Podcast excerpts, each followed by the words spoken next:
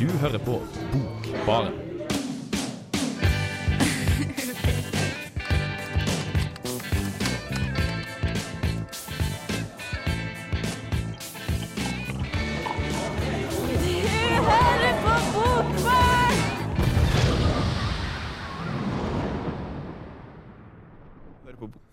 Ja, hallo. Du hører på Bokbarn, og i dag er en veldig eh, spesiell dag. Det er ikke Sveriges sin nasjonaldag, eh, men det er Sveriges sin nasjonsdag i Bokbarn, Kristine.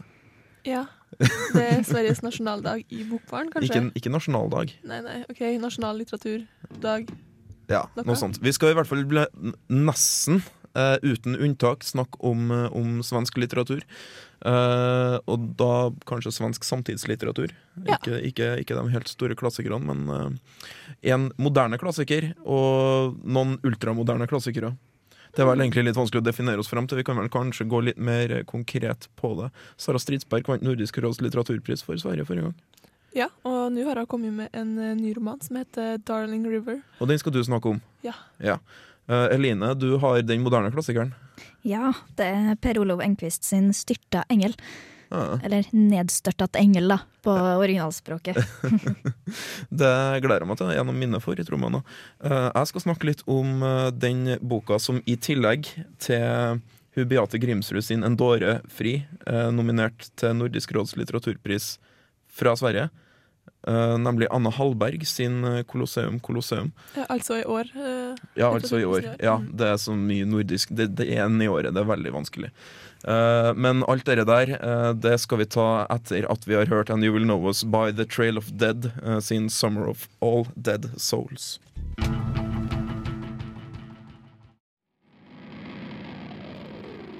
Jeg har eh, lest Sara Stridsbergs eh, nyeste roman 'Darling River', som har eh, undertittelen 'Dolores variasjoner'. Og jeg vet at eh, Mathias Samuelsen, som sitter ved siden av meg her, han har eh, lest den forrige boka hennes, som heter 'Drømmefakultetet'. Jeg leste de eh, to forrige bøkene, og jeg liker jo Sara Sysberg ganske godt. Jeg syns at hun er en ganske dyktig Mhm. forfatter, og som ble sagt her i forrige stikke, så har hun vunnet Nordisk råds litteraturpris, osv. Men jeg, sånn som jeg har skjønt det, så har ikke denne boka fått like gode kritikker som det de to foregående har gjort. Nei, det er litt, eh, det er litt blanda, Mhm. kan man si. Um, men det her er jo altså ei eh, svensk bok, og den har kommet ut på Albert Bonniers eh, forlag i 2010. Men den har ikke kommet ut på norsk ennå, så jeg har lest den på svensk. Mhm. Så jeg vet ikke, jeg har ikke lest så mye om den i norsk, norsk presse. Men Nei, den kommer sannsynligvis til. Norge på, på, på Cappelen. Ja. For dem, dem som for. Bonnier eier Cappelen. Mm, Så de pleier å få ting oversatt det der. ordnings. Veldig greit. Men hva er denne boka, altså hva, sånn før vi hø hører nærmere hva du har sagt om den, hva er, den, hva er måte, hva er kjernen her, hva er den handler om, hvordan, hva som skjer? Jeg har tenkt å, å spare det til skal etter, det til eh, anmeldelsen, fordi jeg sier det ikke i anmeldelsen heller, skjønner du. Å nei, jeg Fant jeg ut etter at jeg hadde laga den. Ja. Fordi at ja, det er, jo, det er jo inspirert av eh, å skrive ut fra eh, Vladimir Nabokovs Ja. eh, Lolita. Eh, og det her med Lo- Lolita, det begrepet, det har jo blitt en sånn stor ting, da. Mhm. Så med det i bakhodet så kan lytterne få høre eh, anmeldelsen. Vi kjørte gjennom årstidene, gjennom hetta og snø og aska og nå utslagen skjelvende bjørkskog. I de sönderbrända partiene växte liljor og lupiner. Kronbladen slog ut med sotiga kanter mange år senare. Sara Stridsbergs roman 'Darling River' har et febersykt, marerittaktig og fanivoldsk uttrykk. Med undertittelen 'Dolores variasjoner', med referanse til Vladimir Nabokovs roman 'Lolita' fra 1955, blir jeg forberedt på det verste. En psykopatisk forsvarstale av en incestforbryter. Stridsberg gir stemmen til offeret, jenta, kvinna. Når handlinga foregår, er uklart, og hvor det er, er òg uklart. Innimellom blir det klarere, men romanen som helhet ligger i tåka. USA, Sverige, europeiske storbyer, på veien nordover til Alaska. Det er omkring 1950 og seinere. Stanken av forlossningen forfølger meg alltid. Den karakteristiske doft som oppstår når noen trenger inn i meg, som om det alltid råker trenge for langt inn, enda inn i den råtne livmodern. In i smutssjälen som hänger där inne som ett otvättat linne. Lukten antyder att det ligger ett förstört barn där.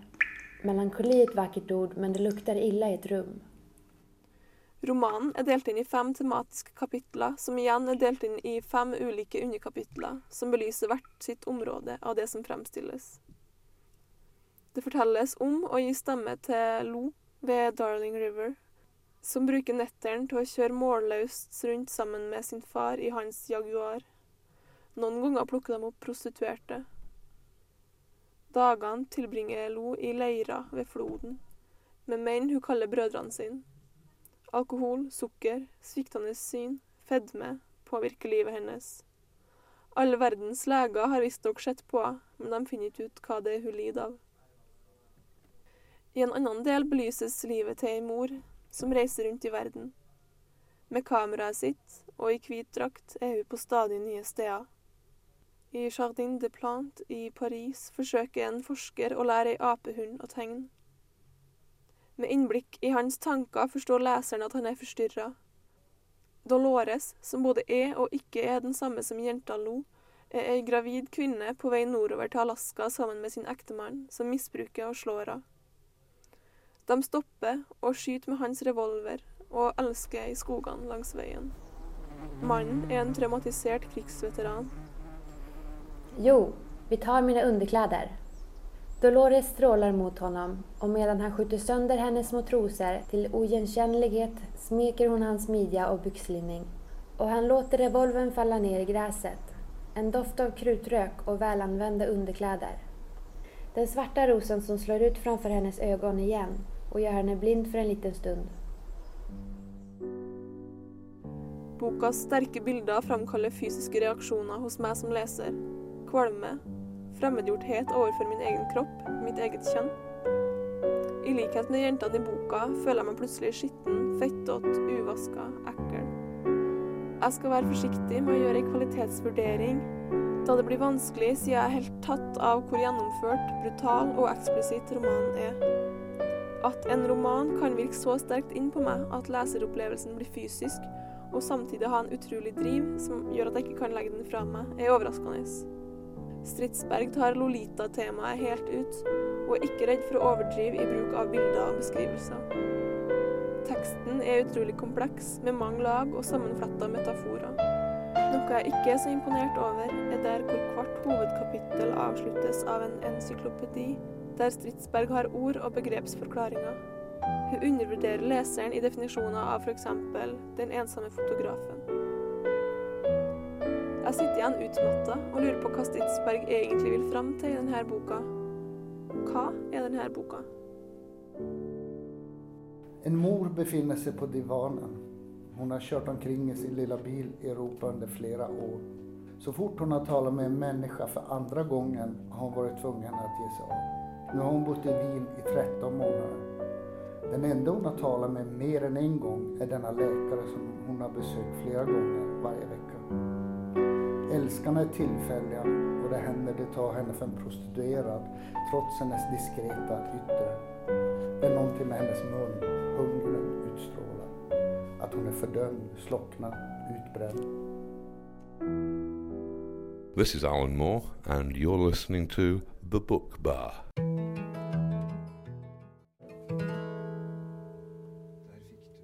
Der fikk du Iron and Wine med 'Naked As We Come', og før det så hørte vi Kristine Fredriksen sin eh, anmeldelse, eller i hvert fall kommentar, til lesning av eh, Ja. 'Darling River', den nyeste boka til Sara Stridsberg.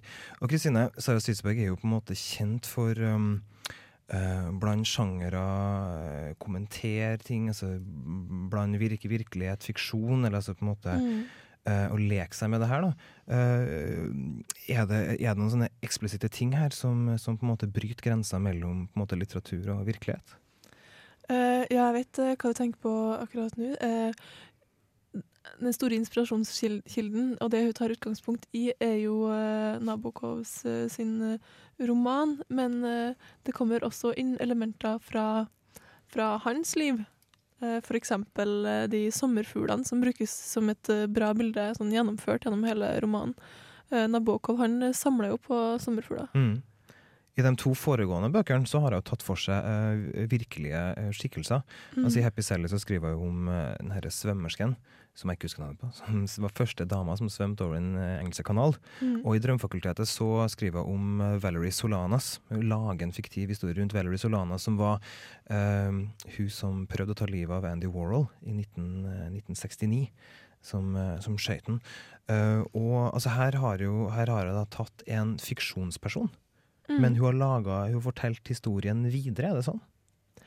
Ja, eh, eller det blir om det er en person eller om det er flere personer, det er egentlig usikkert, fordi at eh, språket og formen blir så drømmende og flytende at man kan egentlig ikke se hva som er hva, og man klarer ikke å, å på en måte strukturere en eh, klar eh, rød tråd. Stridsberg skriver jo mye om sånn kvinneskjebner og den typen altså, altså, Det blir kanskje, kanskje, kanskje en sånn nedvurdering av kalle da. Altså, hun, du kan si at hun estetiserer veldig problematiske ting. Mm. Og altså øh, Dolores betyr jo smerte. Ja, eh, eller på- gråt. Ja, sant, ja, si, ja, sorg.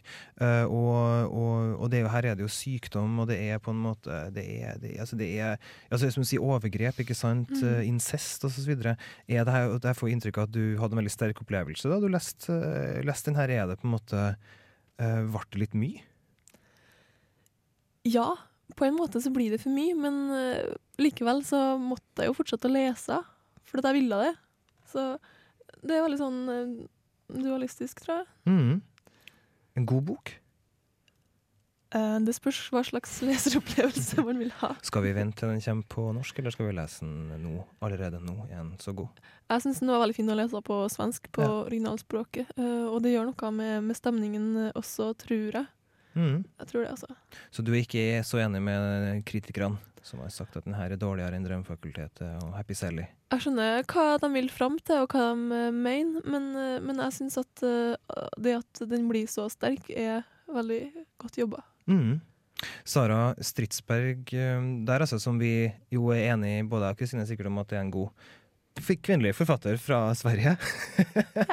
som hadde ikke vært for, for at, hun vant, at hun vant Nordisk råd for, for Drømmefakultetet, så hadde hun kanskje vunnet den for den her. Nei, det tror jeg ikke.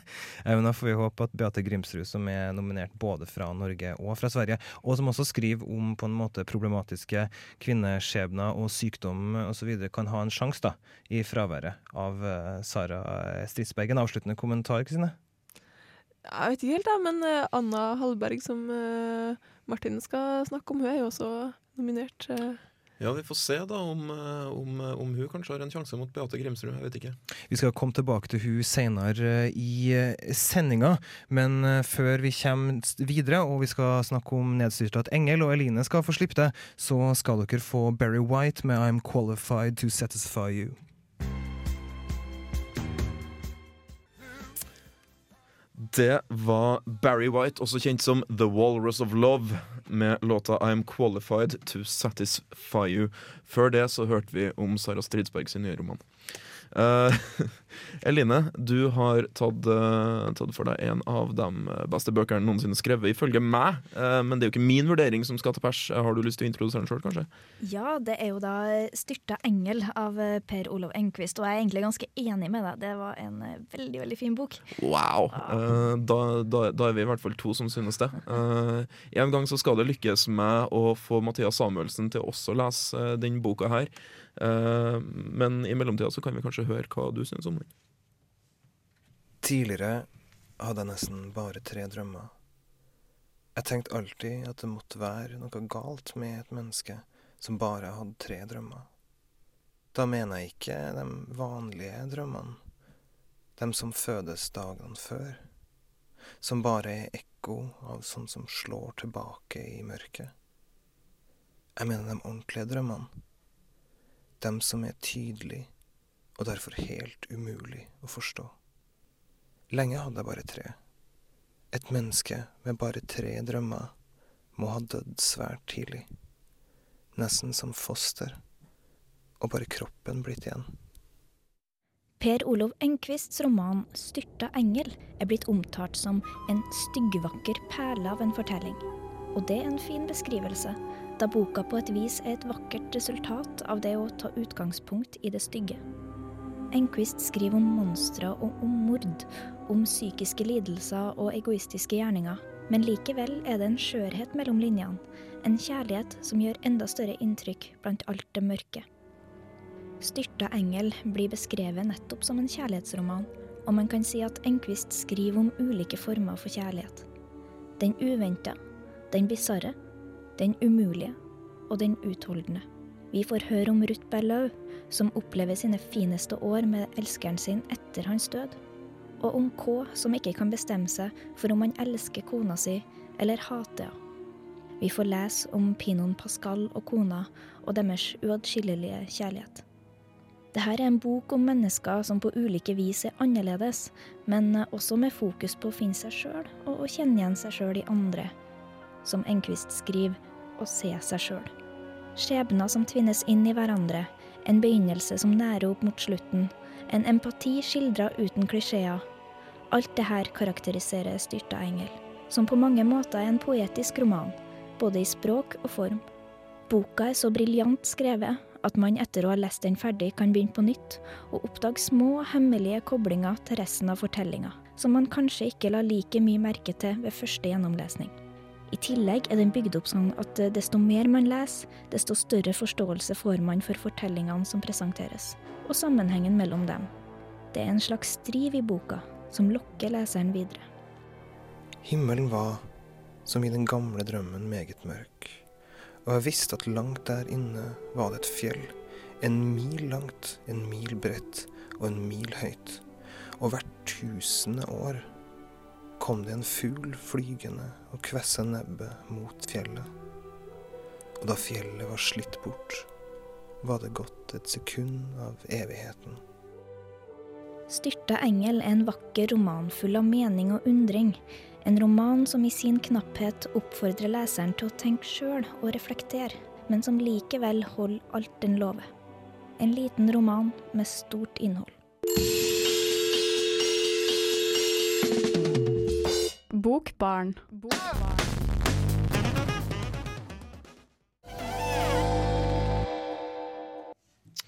Det var 'Shining' med Red Rum. Uh, man, The Murder, uh, skrevet baklengs. Det er for dem som ikke har sett The Shining. Um, før det så hørte vi Eline Bjerkan snakke om uh, den moderne klassikeren for i dag, Per Olof Enquist sin 'Styrtet engel'. når kom den ut? Den ble i hvert fall oversatt da, i 1986 okay. av Gyldendal. Så det er jo han godeste Kjell Risvik som har oversatt den. Mm. Det, eh, altså det, er jo en veldig spesiell bok på, på veldig mange måter. Altså I Enquist sitt forfatterskap også, men bare sånn, du kan jo, hvor mange sider er det her? Det er litt over 100 sider. Er det mye tekst? Knapt. Altså, greia er at det er den er inndelt i veldig små avsnitt, da. Mm. Og som sagt, eh, knapt en hundre sider, så det går fort å lese. Mm. Og så er det vel noe, ikke så veldig mange deler, og det er i det hele tatt en ganske ordknapp uh, greie. Bitte ja, liten. Det er altså, både uh, formen og veldig sånn knapp, og du er nødt til å lese litt mellom linjene sjøl, kanskje.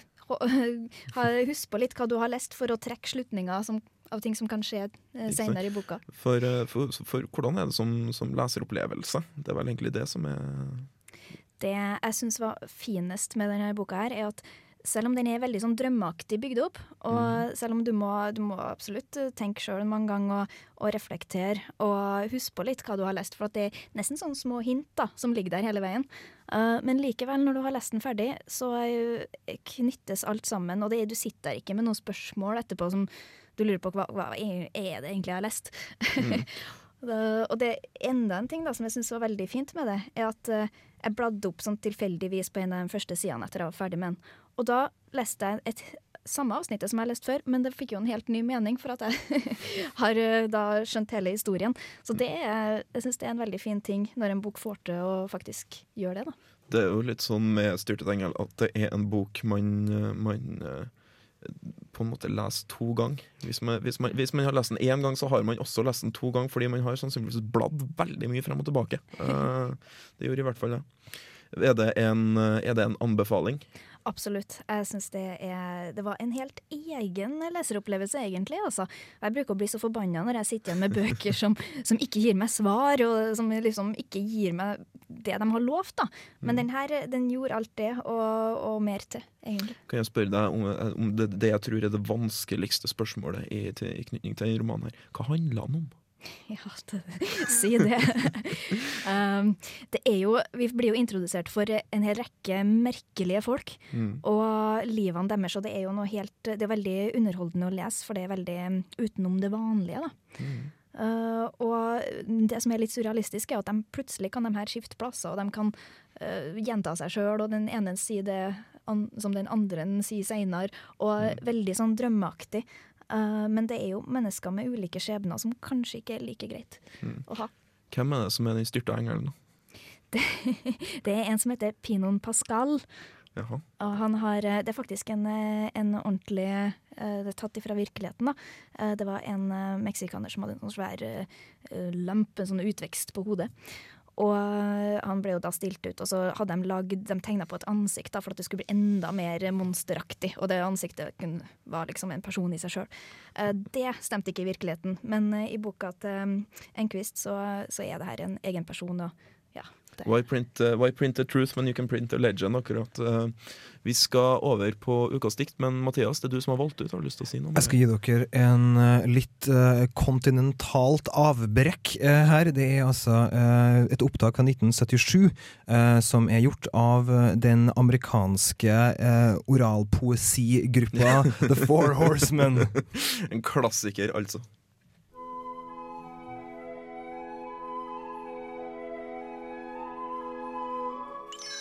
Ukas dikt.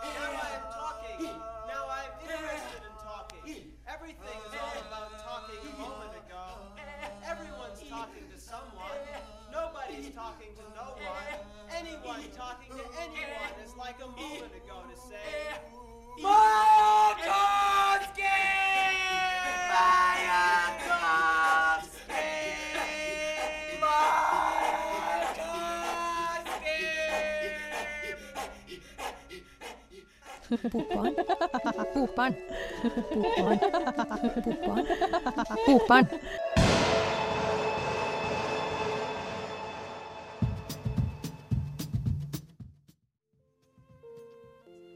Det er vanskelig å skulle anmelde en bok man i utgangspunktet ikke føler seg helt ferdig med, slik tilfellet er for meg når jeg nå skal snakke om Anna Hallberg sin Colosseum Colosseum. Grunnen til det er jo at man som litteraturanmelder jo helst skal kunne skryte på seg et slags uangripelig retorisk utgangspunkt, basert på ens egen autoritet som litterær bedreviter, for på den måten å kunne være rusta til en eventuell verbal boksekamp, som jo alltid kan komme til å dukke opp i etterkant av en anmeldelse. Og For å gjøre nettopp det, så opplever jeg det problematisk at jeg nå i forkant må stille meg opp foran publikummet mitt og si følgende. Jeg er ikke helt sikker på hva jeg kan si om denne boka, da den rett og slett forvirrer meg. Her er det nemlig vanvittig mye som skal skje. Colosseum Colosseum er en diktsamling med fem utitulerte deler som bare skilles fra hverandre av én enkelt blank side. Faktisk kunne man lett gått glipp av overgangene hvis det ikke var for at eh, delene både tematisk og formemessig er såpass ulike hverandre at de like godt kunne vært forskjellige bøker. Eksempel er den første delen en ordknapp lyrisk utforskning av hermenautiske tankerekker som har menneskekroppens fortæring av et stykke oksekjøtt som utgangspunkt. Noe som er ganske ulikt tredje del, et essayistisk langdikt som utgreier en sammenligning mellom Colosseum i Roma og et digert sinnssykehus som ble oppført i den svenske byen Sæter på begynnelsen av forrige århundre. Stilmessig er det også stort sprik mellom boka sine fem deler. Vi skal innom alt fra ordknapp og haiku-inspirert modernisme til springende tempoorientert lydpoesi. På toppen av det hele møter vi en ekstremt travel språkmaterialisme som i del fire får boksida til å se ut som om noen har skutt setninga på den med hagle. Med andre ord, hvis jeg nå skulle ta meg for å fortelle deg hva det er som skiller delene fra hverandre, så hadde jeg kommet til å dreve på ei stund. Det interessante er uansett det som forener og gir boka en helhet, nemlig dikterens tilstedeværelse. Ikke nødvendigvis gjennom et lyrisk jeg, da heller en konsekvent hermeneutisk innstilling til diktets utforskning av emnet sitt. Dette åpner for at det tidvis ekstreme spriket mellom stil og lyrisk tradisjon forenes innenfor et sammenhengende uttrykk, som på sitt beste klarer den imponerende utfordringa det er å skulle los leseren gjennom denne skjærgården av distraherende tekniske elementer, men på sitt verste gjør at en stakkars anmelder føler at han kommer til kort i sin presentasjon av boka. Den eneste dommen jeg egentlig kan komme med i tilfelle Hallberg, er at det her er så mye som foregår at man til tider føler at det blir for mye. Likevel kan en tålmodig lesning åpne for en lyrisk opplevelse utenom det vanlige.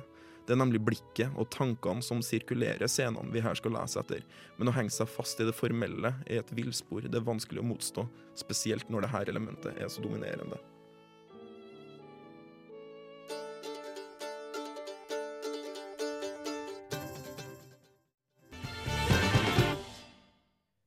Der fikk du We Were Lightning med We're the Bloods of Every Bright Idea. De kommer ifra Trondheim og er fryktelig bra liveband også, så jeg syns dere skal se dem eh, på konsert en gang. Og gi, dere dem- får, eh, alle pengene deres.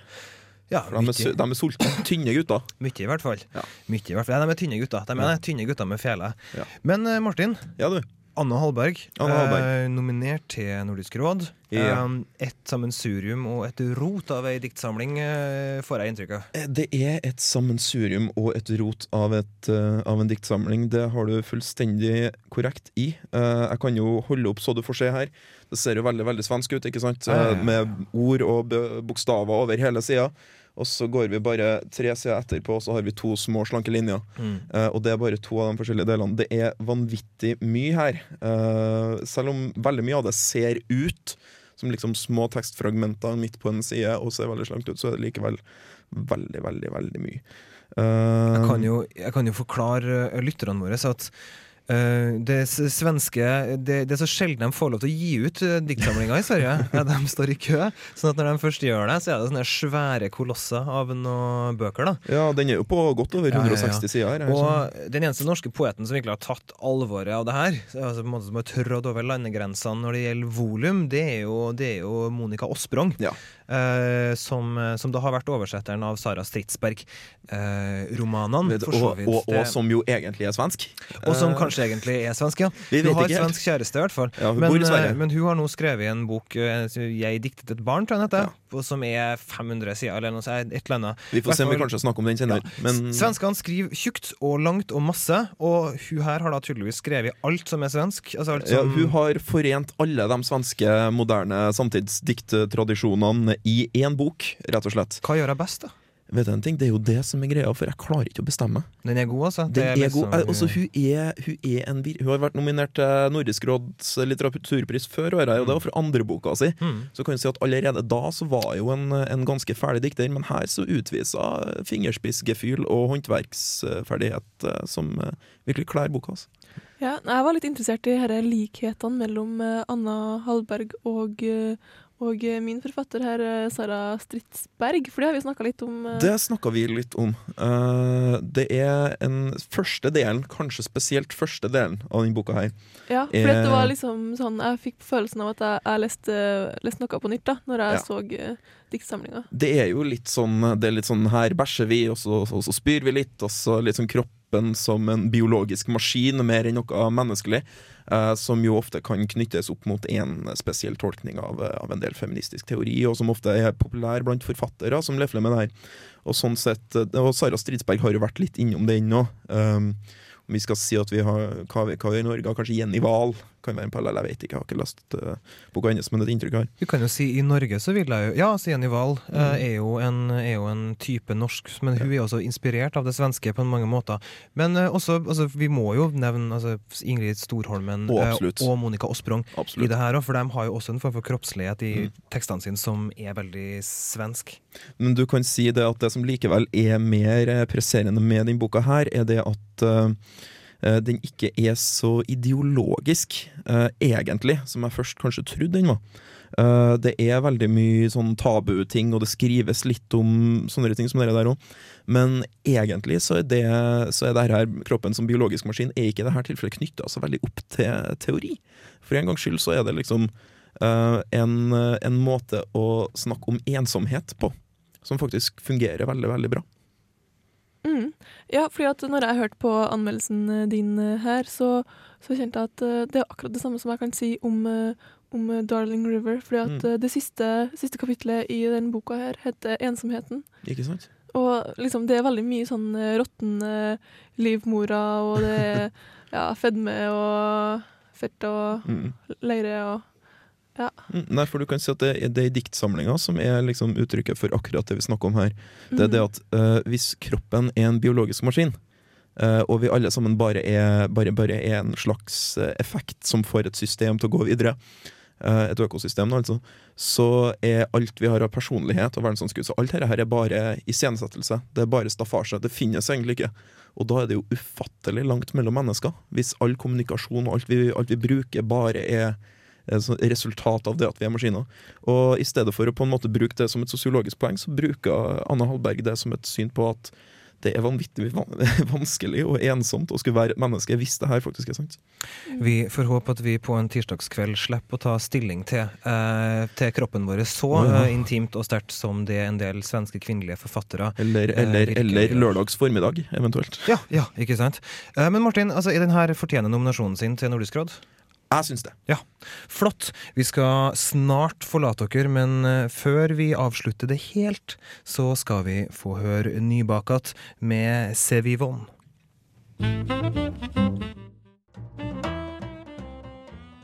Ja, og det var nybakat! Utropstegn med Sevivon, en, en radioedit. Jeg regner med at det betyr at låta er vanvittig mye lenger. Eh, Det bruker i hvert fall å gjøre det.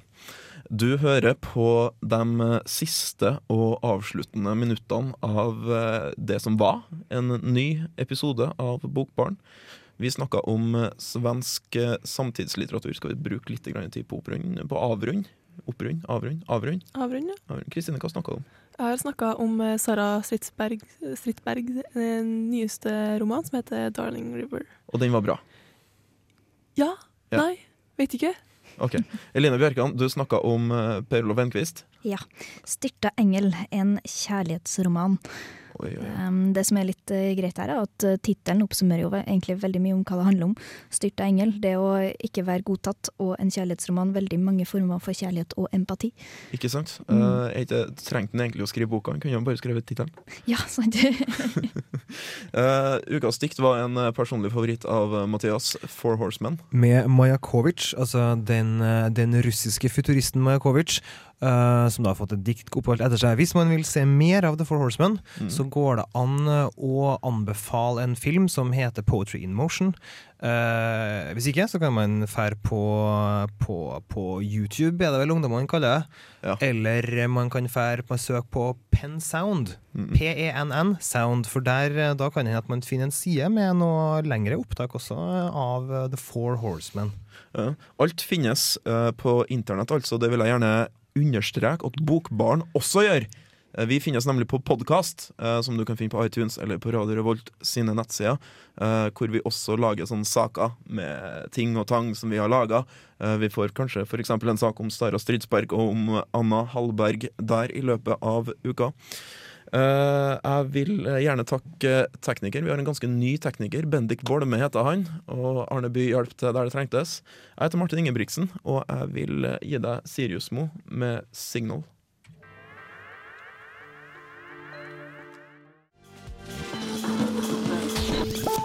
Radio Revolt.